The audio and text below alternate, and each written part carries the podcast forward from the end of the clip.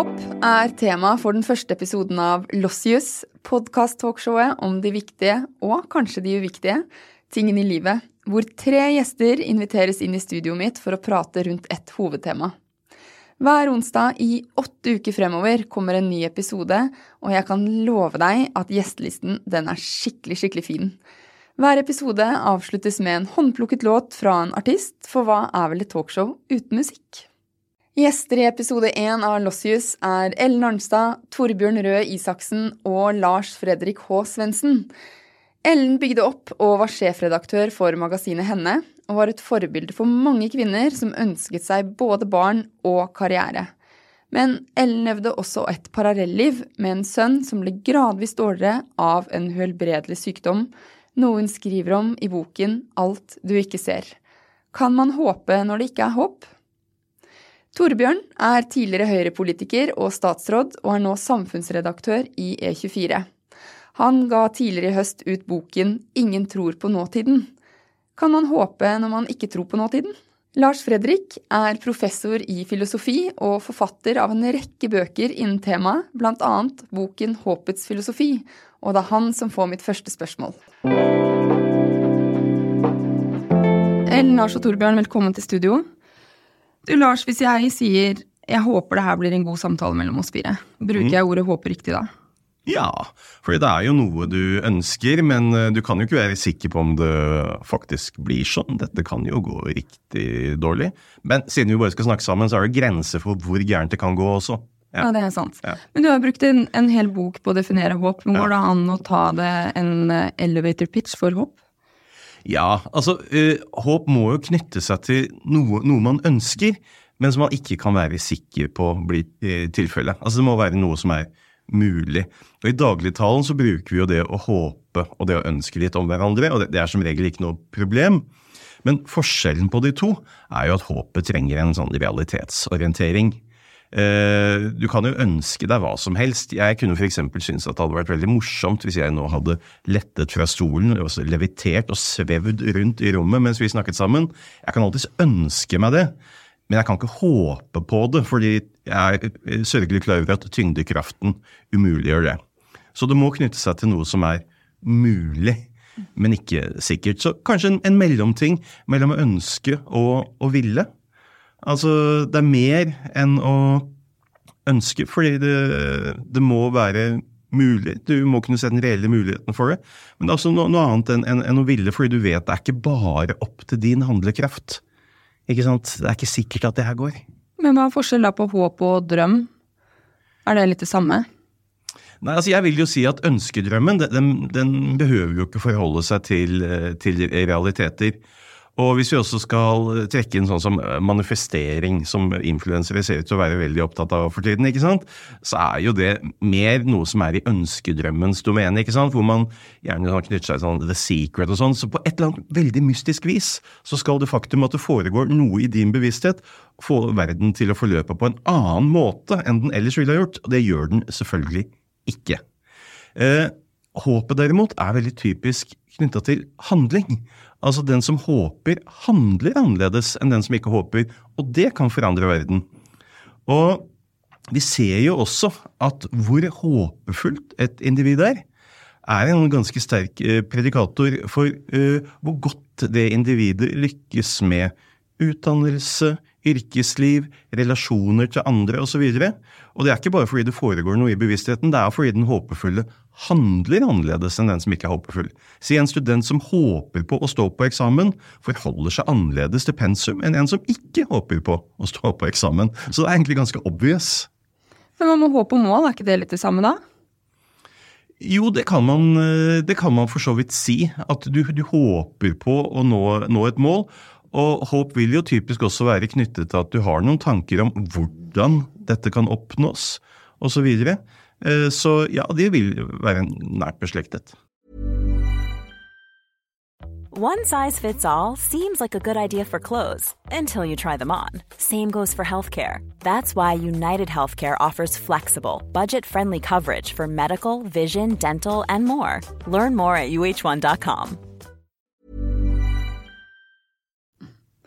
Elna, jeg leste Lars sin bok, så tenkte jeg på deg ganske mye. Du fødte Joakim fire timer etter at du lanserte henne. Det er jo en bragd i seg selv, må jeg si. Men da han var ganske liten, fem-seks år, så fikk dere en beskjed som var veldig vond. Og det jeg tenker på da, er hvordan kan du håpe når egentlig alt håp er ute? Ja, Joakim var um, Alt var bra med han når han ble født, og så begynte han å se dårlig når han var ja, fem og et halvt. Og så var det ja, mange runder og mange diagnoser, og til slutt, etter to år, så fikk vi den endelige diagnosen, som var en alvorlig genetisk dødelig sykdom. Uh, og hva gjør du når du har en gutt som egentlig bare er litt svaksynt, og du får hele hans uh, skjebne uh, brutalt over bordet?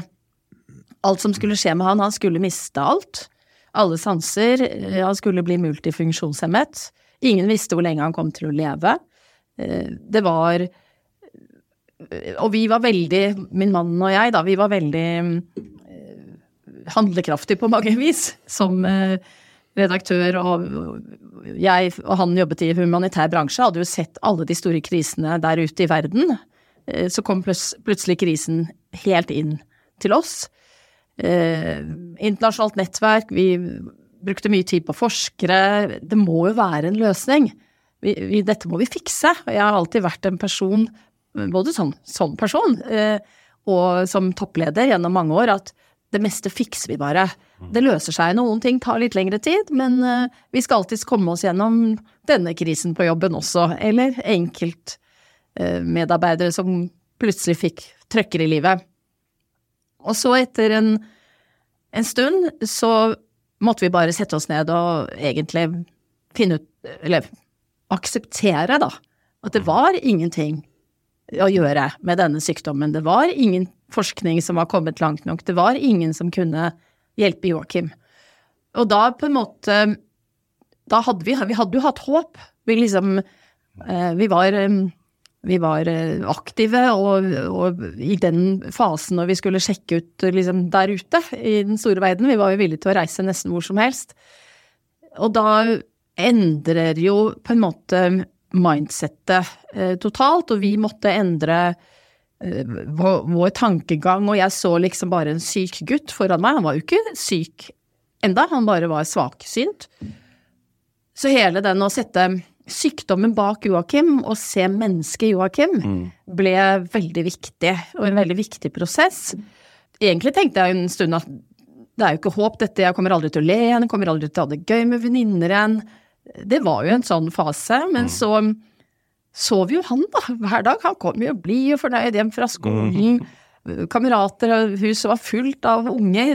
Men da kom liksom håpet tilbake. Det høres sikkert litt det er kanskje, kanskje vanskelig å forstå, men, men, det å se den glade gutten, da, som Han var full av livsglede, han. Mm. Det var jo så bitte små ting som kunne glede han. Men på veien, det var vel egentlig det vi lærte, og det er vel det jeg har lært i livet, at når det er vanskelige ting, og, og du står foran veldig store fjell, um, så er det noe med å holde det håpet på veien opp til det fjellet. Uh, og det greide vi, og derfor kan jeg si i dag, uh, Joakim døde for tre år siden, at han til tross for alt som skjedde med han, så hadde han et lykkelig liv. Mm. Men jeg tenker jo det du sier der, så, og det skal vi komme litt tilbake til, er at håpet er dynamisk gjennom livet. At det endrer seg. Mm. Eh, men Torbjørn, når jeg leste boken din, så du, var du optimistisk, og så gikk det nedover? Eller? Eh, ja, det stemmer nok. Eh, men, men, det er jo en litt annen type sånn optimisme og pessimisme enn vi kanskje snakker om her. Da. For her handler det jo litt om uh, de veldig nære ting. Altså sånn, uh, Jeg har tre uh, små barn, og det er et eller annet med så Når du forteller noe, Ellen, så blir det jo det blir jo veldig nært, ikke sant? fordi at selv om jeg aldri har vært i nærheten av å oppleve noe lignende, så er jo noe av grunnlaget for empati er jo at man kan leve seg inn i situasjonen. Og da bytter man jo ut bildene. ikke sant? Man ser for seg hvordan, man kan bare se for seg smerten. Og det å erkjenne at noe forferdelig er i ferd med å skje, men så finne noe, en trygghet og kanskje til og med et håp i den erkjennelsen, det syns jeg er, du beskrev det på en veldig mm. vakker måte. altså. Eh, men så må man ikke Så syns jeg det også er en kontrast, må jeg si. Nå, bare skyte inn at jeg har jo skrevet en bok som handler litt mer om sånn verden og hva skjer. Krig og sikkerhetspolitikk og eh, hvordan ting ser dystrere ut i dag. Men det er jo mulig å trekke det, dette litt ned til det nære også, og, eh, og si at det å miste håpet helt, det er jo en veldig deprimerende tilværelse. Men samtidig så er jeg veldig skeptisk til dette idealet som, eh, som ble nevnt her, hvor man ser for seg en slags sånn kobling da, hvor man ser for seg at eh, for å ha håp eller for å være lykkelig, så må man også være vellykket. Eh, og at eh, det å ha frik, et friksjonsfritt liv er ensbetydende ved å ha, med å ha et lykkelig liv. Og det kan godt hende det er det sånn fra, fra dag til dag. Altså det er ingen som ønsker å oppleve grusomme, fæle ting, tap, sorg i livet. Men hva er det som gjør at man blir fullt og helt menneske? Det er jo å leve en menneskelig tilværelse, og en menneskelig tilværelse har alle disse usikkerhetene med seg, selv i verdens rikeste land av Norge.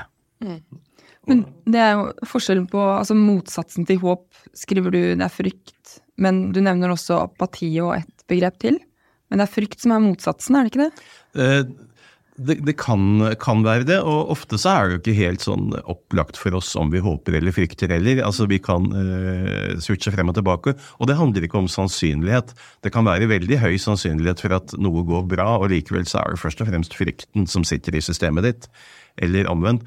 Men altså, jeg kjenner veldig godt igjen det, det du beskriver. Altså, jeg har en nevø med en genetisk uh, betinget lidelse, Duchenne. Uh, og da er også løpet er i en viss forstand lagt. Men jeg skrev en tekst om ham for noen år siden, og den, og den het Et godt og fritt liv. For det er klart, det er begrensninger på hva han kan gjøre. ikke sant? Fotball var ikke noe han kunne drive med veldig lenge, men f.eks. finmotorikken den var fortsatt intakt som en djevel på PlayStation. Og, mener, og greit, vi skal alle dø. Livet har den grensen. Vi har alle våre det er ting vi ikke kan gjøre. Jeg kan ikke hoppe ti meter rett opp i været. Han kan kanskje hoppe litt kortere enn de fleste andre. Men altså, det er jo snakk om å ha en viss sånn realitetsorientering og se på de mulighetene som faktisk ligger der.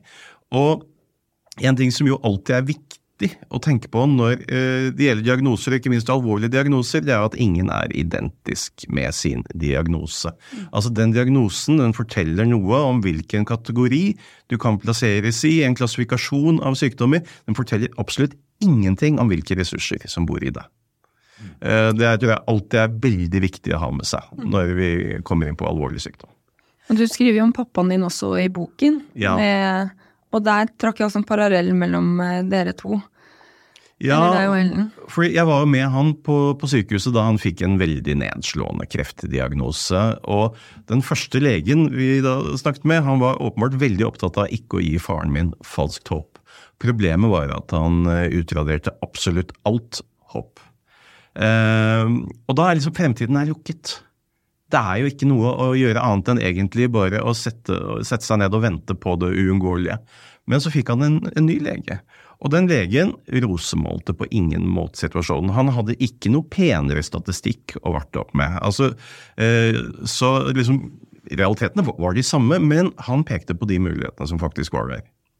Og han ga faren min en oppgave, nemlig å holde seg i så god form som mulig, sånn at han ville kunne tåle en omfattende operasjon og også holde seg i form etter operasjonen. Og plutselig ikke sant, så hadde fremtiden åpnet seg litt igjen. Det, det, var, det var, fortsatt stygge utsikter, men det var faktisk mulig å, for, å, å gjøre noe og forholde seg aktivt til den situasjonen. Og eh, det er klart, eh, håp det er jo også noe som, som forplikter. Eh, og eh, det forpliktet jo da, når faren min begynte å håpe på at kanskje dette kunne gå bra, så forpliktet det han til å handle deretter. Men det forpliktet også meg, fordi jeg håpet jo med ham. Så jeg la jo filosofien på hylla i halvannet år og flytta hjem igjen på gutterommet. Og tok med han frem til han da døde, halvannet år senere. For øvrig det smarteste jeg har gjort noensinne. Mm. Um, så, så håp har også den der smittende virkningen hvor vi håper sammen. Håp er ikke bare noe vi har hver for oss. Vi har også mindre eller større håpsfellesskap. Og det vil jeg si også er viktig i politikken. Mm. Men uh, jeg syns du nevnte noe viktig, Esther Erners Fredrik, og det var um, denne koblingen mellom håp og handling. Mm. Uh, og, og det å forsøke å finne et eller annet mellompunkt der mellom det som er en litt sånn uh, eh, skadelig tanke, tror jeg, nemlig at hvis du bare vil noe eh, sterkt nok, eh, så, kan, så, vil du lykkes. Du kan mm. få det til. og Det er litt en sånn veldig individualistisk coaching-mentalitet som er sånn mm.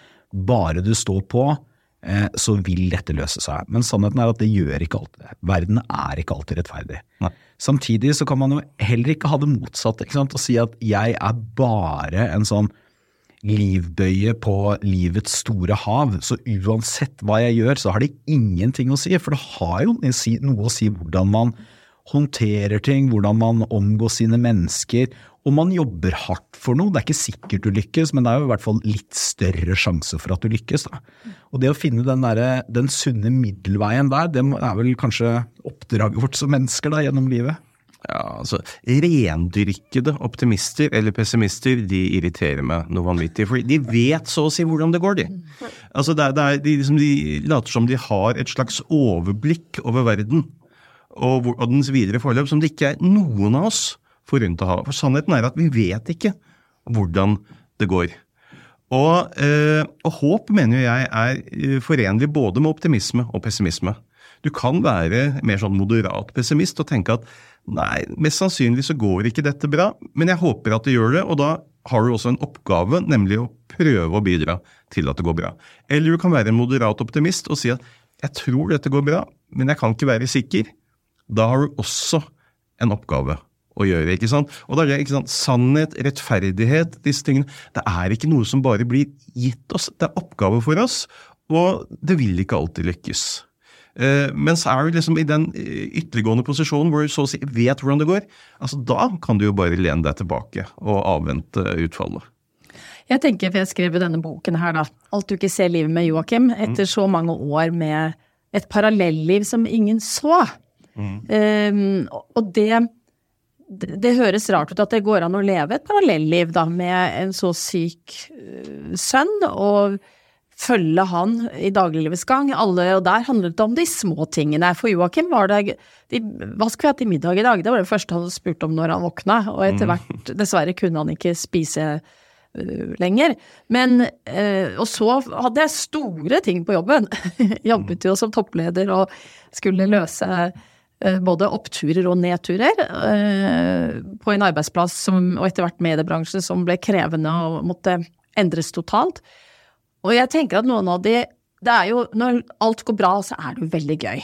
Jeg tenker på deg, Torbjørn, når jeg hører Ellen snakke om det, fordi du håpet mer på 90- og 2000-tallet når det gjaldt verden, enn du kanskje gjør nå. Og det er jo når man f.eks. når det er litt tøffere tider nå, det er dyr, dyrtid som man kaller det, krig i Europa og alt sånt der. Hva, altså, hva gjør det med et samfunn? Det er jeg nysgjerrig på. Det, det jeg har vært litt opptatt av i, i den boken som jeg har skrevet, da, vi, vi, har alle skrevet en bok som heter 'Ingen tror på nåtiden', så der kan du se hvor eh, optimistisk den er. Men, men, det er også skyggesidene ved en bestemt type optimisme. Eh, og det er Kanskje kanskje Lars Fredrik og, og, og kanskje Ellen også vært litt inne på det. altså Det er når når optimisme blir noe selvsagt og noe man forventer. Mm. Så noe av min diagnose da er at uh, på 90-tallet, etter at Berlinmuren hadde falt og Sovjetunionen hadde blitt borte, så ble det i Vesten en følelse av at ting kan jo bare gå bedre. Fremtiden er lys, og, og nærmest automatisk så vil ting bedre seg år for år. Og så glemmer man litt det vi snakket om i stad, nemlig at virkeligheten nesten uansett til alle tider, altså selv om det er, det er, bedre å leve i dag enn for 300 år siden, også. det må vi slå fast for de aller, aller fleste. eh, så er allikevel liksom, virkeligheten alltid forbundet med eh, det er fare, det kan være usikkerhet. Vi mennesker har det alltid i oss å være aggressive, egoistiske, søke ære, eh, berømmelse eller ekspansjon hvis du er et land. Eh, og det jeg har vært litt opptatt av, er hva, hva, skjer hvis vi glemmer alle disse farene? For da blir jo ikke optimisme eller håp noe som man slåss for å beholde eller kjemper for. Det blir snarere noe man tar for gitt, rett og slett. Mm. Og så kommer vi i en situasjon nå da, i verden hvor vi ser at vi må faktisk eh, til en viss grad sånn reise oss. Noe av det som vi snakker om på 17. mai. Sånn demokrati og fred og aldri mer og sånn, det føles jo mye mer påtrengende nå enn det gjorde for 20 år siden, tror jeg. Eller 10 år siden, eller kanskje 3 år siden for mange. Kanskje til og med bare noen måneder siden. Det er litt morsomt, Torbjørn. Du kommer ut i din bok som, uh, ut, ut, av skapet som frafallen optimist. Og jeg kommer ut i, ut i min bok som frafallen pessimist. Eh, men jeg må innrømme, når jeg da leser eh, optimister av den type du beskriver, så får jeg alltid litt lyst til å bytte lag igjen og gå tilbake til pessimistsiden, for de irriterer meg eh, noe vanvittig. Men vi kan jo også si at nettopp fordi det kanskje reelt sett er mindre grunn for optimisme nå enn det var for noen tiår siden, så er det desto mer rom og behov for håp. Eh, men det må jo da ha en, eh, si, en fornuftig realitetsorientering. Og det er klart, eh, håp kan jo også være negativt. Håp kan være destruktivt. Fordi håp også kan låse deg fast i én fremtidsforestilling. Det kan få deg til å forbli i en situasjon som du burde forlatt. Vi kan. For se, altså se for oss en kvinne da, som lever sammen med en voldelig mann og som håper at han denne gangen kommer til å slutte i, i, å slå henne, istedenfor rett og slett å innse at denne fyren må hun rett og slett forlate. Ikke sant? At eh, håpet kan føre til at vi fester blikket litt for langt frem, og sånn sett overser det vi må gjøre akkurat eh, her og nå. For det er jo sånn, ikke sant. Altså, hvis det brenner på kjøkkenet ditt, så er ditt håp om en gang i fremtiden å oppfinne en ny, fantastisk type brannslukkingsapparat, den er lite verdt. Veldig lite verdt. Ja. Jeg må si også, bare sånn skyte litt inn, du snakker om den store verden, og vi Det er en stor verden der ute. Jeg har vært på veldig mange eh, reiser og prosjekter innenfor humanitært eh, arbeid, fordi mannen min jobbet eh, med det i 20 år. Jeg glemmer aldri besøket til en flyktningleir på grensen til mellom Etiopia og Kenya. Det var hungersnød. Eh, og den flyktningleiren var liksom bare bygd eh, av masse folk som annet min mann hadde ansvar for, eh, midt ute i Norway, liksom. De kom over grensen, Leger uten grenser tok imot de sykeste, og det var, det var ikke håp. Men den hadde eksistert et trekvart år, og det som var helt fantastisk, i dette forferdelige Ja, det var jo skjebner. Eh, kvinnene som kom liksom over grensen med barna sine. Eh, men så plutselig så gikk vi rundt i flyktningleiren eh, etter at vi hadde kommet hit, og da hadde noen lagd noen butikker. Og de hadde liksom forskjellige ja, vi har lagd ting. Noen hadde greid å lage en liten sånn grønnsaksbutikk. Jeg vet ikke helt hvordan de hadde fått til det, men det hadde noen greid. Og så hadde eh, noen av kvinnene, de somaliske kvinnene, um, greid å lage uh, Altså, de lagde brøddeig som de dyttet inn i termittur. Så det var jo verdens beste pariserloffer, liksom. Jeg har aldri spist så gode pariserloff i mitt liv. Det er jo håp. Altså, de menneskene som har mistet alt, og som greier å se løsninger, være kreative. De skulle bo i den flyktningleiren i mange år, det visste de jo. Og da tenker jeg at Eh, når det, når det liksom er egentlig ikke håp, så greier menneskene at det bor så mye i mennesker, eh, selv i krig, som eh, vi virkelig må ta inn over oss og ikke da Noen ganger så tenker jeg at vi sutrer over litt for små ting i dette landet her. Det er liksom mange som er Alle er litt så slitne. Og det har jeg kjent på kroppen. Jeg har virkelig sett de som er slitne. Pårørende med liksom tunge ja, barn, syke barn som er i ferd med å dø, eh, og så, er, og så, er, det mange som er bare litt sånn slitne. Det er et ord jeg tenker vi skal slutte med. De som har gått på lettveggen? Ja, lettveggen er godt sagt. Klart det er mange som er, har det tøft, det er ikke det, men det kan vi kanskje eh, slutte å si. Ja. Du Lars, du sier også at hvis man ikke har håp, så er det ikke noe liv. Nesten. Altså at uh, vi må håpe. Ja, altså Håp er liksom så griper inn i så store deler av livet, og det er veldig vanskelig å se for seg et menneske, et voksent menneske, som ikke har evnen til håp, og som likevel fungerer. Altså, Hvis man liksom eliminerer alt håp, da sitter man egentlig igjen med en person med en tung, tung klinisk depresjon som ikke kommer ut av senga om morgenen. Eh, så, så, håp er egentlig en forutsetning for å ha et, uh, ha et uh, fungerende liv. Og det behøver ikke nødvendigvis heller være det at uh, du vet nøyaktig hva du, du, håper på, men i det minste at du har en slags orientering mot verden som et sted der det er noe som er verdt å håpe på. Mm. At du i det minste har det. Og så har du kanskje ikke til enhver tid fullstendig oversikt over akkurat hva det er.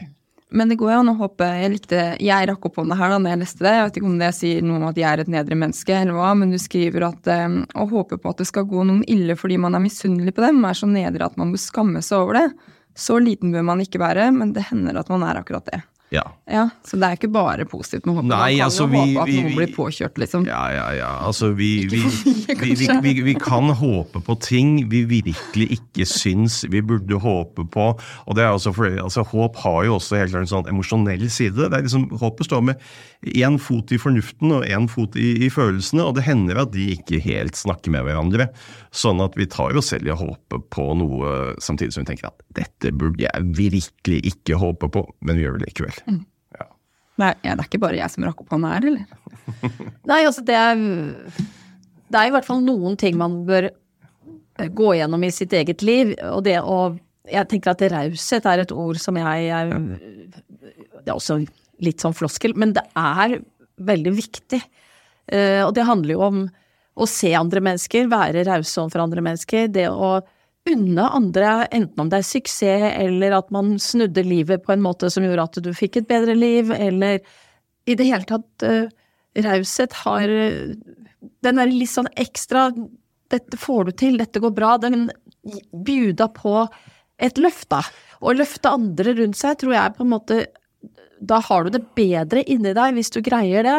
Og så tenker jeg veldig sånn i forhold til jeg har mistet mannen min nylig, nylig, og så har jeg en datter på elleve år. Og det med sorg, ikke sant, da, da, kan du føle at det er ikke noe håp. Hvis jeg mister sønnen min, og mange mennesker der ute mister noen hver dag, hva er det igjen da?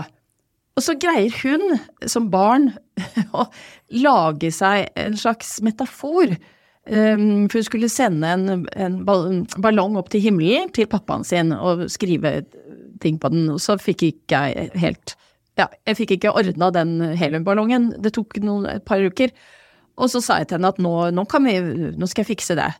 Og da hadde hun laget seg en ny historie om at pappaen var død. For han var ikke i himmelen lenger. Fordi at man kan velge det, har hun funnet ut da. At man kan dra til himmelen, men så kan man komme tilbake igjen til jorden. Så det hadde hennes pappa gjort. Så han var et gjenferd. Uh, og så sa jeg, men det er jo det, det er litt sånn skummelt. Nei, nei, nei, nei, han var ikke et skummelt gjenferd. Så han var med oss litt rundt omkring. Og da har hun liksom på en måte løst det i sin metafor. Uh, han er borte, det har hun forstått, men han er liksom med henne i hennes uh, verdensbilde, da. Ja. Så, samtidig så har jo for å være litt kritisk da, kanskje til eh, Lars Fredriks beskrivelse av, av, håp, så har det jo Eller beskrive en annen fallgrube, eh, for å ta den kanskje største filosofen som noen gang har levd, nemlig Yoda i Star Wars. Eh, som, sier, som påpeker at et av de store problemene med er mulig det er Obi-Wan Kenobi som sier dette, altså. men han er jo den nest største filosofen. men som påpeker at et av problemene med den unge Luke Skywalker, det er at han alltid har blikket mot horisonten, og aldri er oppmerksom på hvor han er her og nå. Mm. Eh, og, det er jo, eh, og der er det, må det være forskjellige graderinger, sjatteringer av håp. Da, for jeg, jeg, tror jo at eh, Jeg er enig med Lars Fredrik i at hvis, hvis man bare er litt sånn kynisk, resignert, apatisk, at virkeligheten handler bare om akkurat det vi ser, og hvis du blir borte, så ligger du under jorda, og det er ikke noe håp i horisonten, og uansett hvor mye du jobber eller hva du gjør, så kan ting aldri bli bedre. Det, det er en umenneskelig tilværelse. Men samtidig så ligger det mye i dette som Olav H. Hauge skriver i sitt dikt om at det går an å leve i hverdagen òg. Altså det å, å, ikke være så opptatt av hva som kanskje kan skje, til uh, i den grad at man glemmer det man faktisk har rundt seg, litt sånn konkret og håndfast. Mm. Men, eh, men, jeg tror eh, her er det også et, et viktig poeng. altså Håpet sånn sett, det handler jo sånn sett ikke, ikke om fremtiden, men om nåtiden. Altså, Håpet Du trekker så å si fremtiden inn i nåtiden ved at den da bidrar til å gi mening til det du skal gjøre her og nå. Formålet med håpet er ikke bare at du skal nistirre inn i horisonten. Det skal ha en funksjon her og nå i hvordan livet ditt uh, leves. Det tror jeg er ganske avgjørende. Men er det derfor du skriver at uh, håpet er viktig at det er moderat? Ja, altså jeg, jeg skriver jo en god del om, om forskjellen på å, å, håpe godt og håpe dårlig. Mm. Og, og det, det, skillet går tilbake til Aristoteles. og Aristoteles skriver at uh, unge mennesker de håper dårlig. Han sammenligner med fulle folk. Null dømmekraft. Og sier at det er fordi de har rett og slett uh, opplevd altfor få skuffelser. Så de er overdrevent uh, optimistiske, mangler realitetsorientering. Men den eldre garde får også sitte på pukkelen av Aristoteles, som sier at de har gått på så mange smeller at de får en tendens til å leve litt sånn tilbakeskuende, men også litt sånn selvtilfredse liv. Og det er, det er heller ikke bra, ikke sant? for de er ikke da skikkelig til stede her og nå. og så skriver Da jeg leste det, så tenkte jeg at jeg og Torbjørn, vi håper bra. For vi er midt i livet. Ja. Ikke til, liksom, til uh, å snakke dere to ned, men dere er litt eldre enn meg og Torbjørn.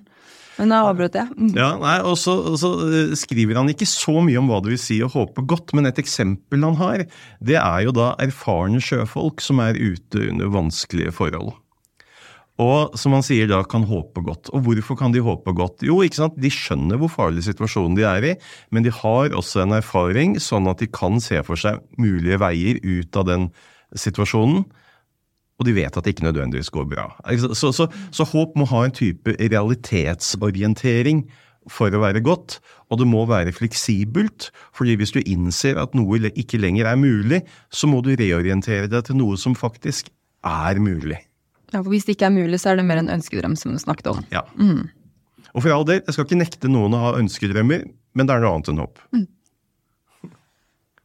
Jeg lurer på om vi skal rett og slett avslutte med det. Men hvis jeg sier nå jeg håper dette har vært en fin samtale for dere, så påviser jo jeg at eh, man kan håpe bakover òg. Det kan man. Eh, vi tenker jo eh, typisk på håp som noe som retter seg mot fremtiden. Men man kan også håpe i, i nåtid eller i, i, i, fortid.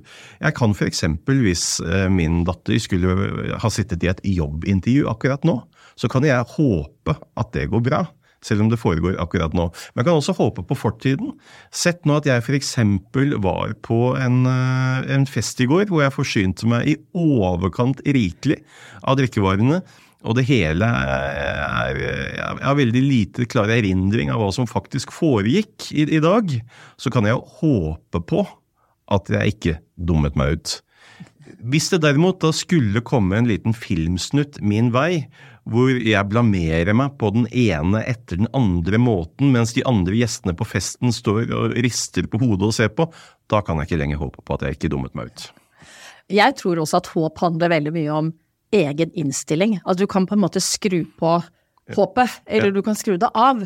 Det høres litt så flosklete ut, men likevel så eh, Det er noe med eh, Når livet virkelig er tøft, så er det jeg skjønner at man da kan gi opp, og det er, kan fort bli svart, men håp er noe du kan trene deg på, tror jeg, som du trener deg når du er idrettsutøver. Du kan trene deg på at eh, det er litt vanskelig nå, men vi ordner det, det skal gå bra ved å gjøre, reorientere seg, som du sier, eller uh, ikke gå inn i et feilspor. Og jeg tror håp også er trening, rett og slett. Mental trening. For da rundet vi ikke av likevel. For det er litt interessant det med jeg tenker at håp er jo en del av identiteten også. Mm. Og det er jo litt det samme. Så man kan trene seg til en mer håpfull identitet, da, eller? Ja, du kan altså trene deg opp til altså mer vanemessig. Altså å, å se etter muligheter som faktisk mm. er der, snarere enn å se, se på først og fremst hvor umulig allting er. Og så har jo håpet noen, liksom, noen sånne grunnleggende funksjoner. Dels så kan det gjøre veldig vanskelige eh, situasjoner mer til å holde ut, fordi det tross alt kan gi blikket ditt feste et sted hvor du har kommet forbi. Du kan alltid, at du så å si alltid kan overskride situasjonen du, du, du er i. Og dernest så er jo den funksjonen da at eh, det kan faktisk forandre situasjonen, det kan forandre verden. Ikke bare ved at det foregår noe inni hodet ditt, men fordi det forandrer måten du handler på. Og derigjennom så kan det faktisk forandre verden. Imagine the softest sheets you've ever felt. Now imagine them getting even softer over time. That's what you'll feel with Bowl and Branch's organic cotton sheets. In a recent customer survey, 96% replied that Bowl and Branch sheets get softer with every wash. Start getting your best night's sleep in these sheets that get softer and softer for years to come. Try their sheets with a 30-night guarantee. Plus, get 15% off your first order at bowlandbranch.com. Code BUTTERY. Exclusions apply. See site for details. Hvis vi nå skal ta en sånn av, avsluttende sånn perspektiv, Det skal du få lov til. så, så ender jo, når jeg skriver så mye om at verden er blitt mørkere og litt om pessimisme og sånn, så ender det jo med et lite håp. Og det er et bestemt sånn bilde av et håp, for det er det, er det håpet som, eh, som kommer når alt er mørkt, men så ser du at noen har klart å holde et lite lys brennende. Og det er et veldig sånn vakkert, dypt menneskelig håp, tror jeg også. Jeg er nesten piken med fyrstikken her. Ja, Bortsett fra at det gikk jo veldig dårlig for henne. Ja, eller hun, hun, nei, hun, hun reiser opp til himmelen med sin eh, til sin bestemor. Ja. Så ja, men det er et godt bilde. Tusen takk.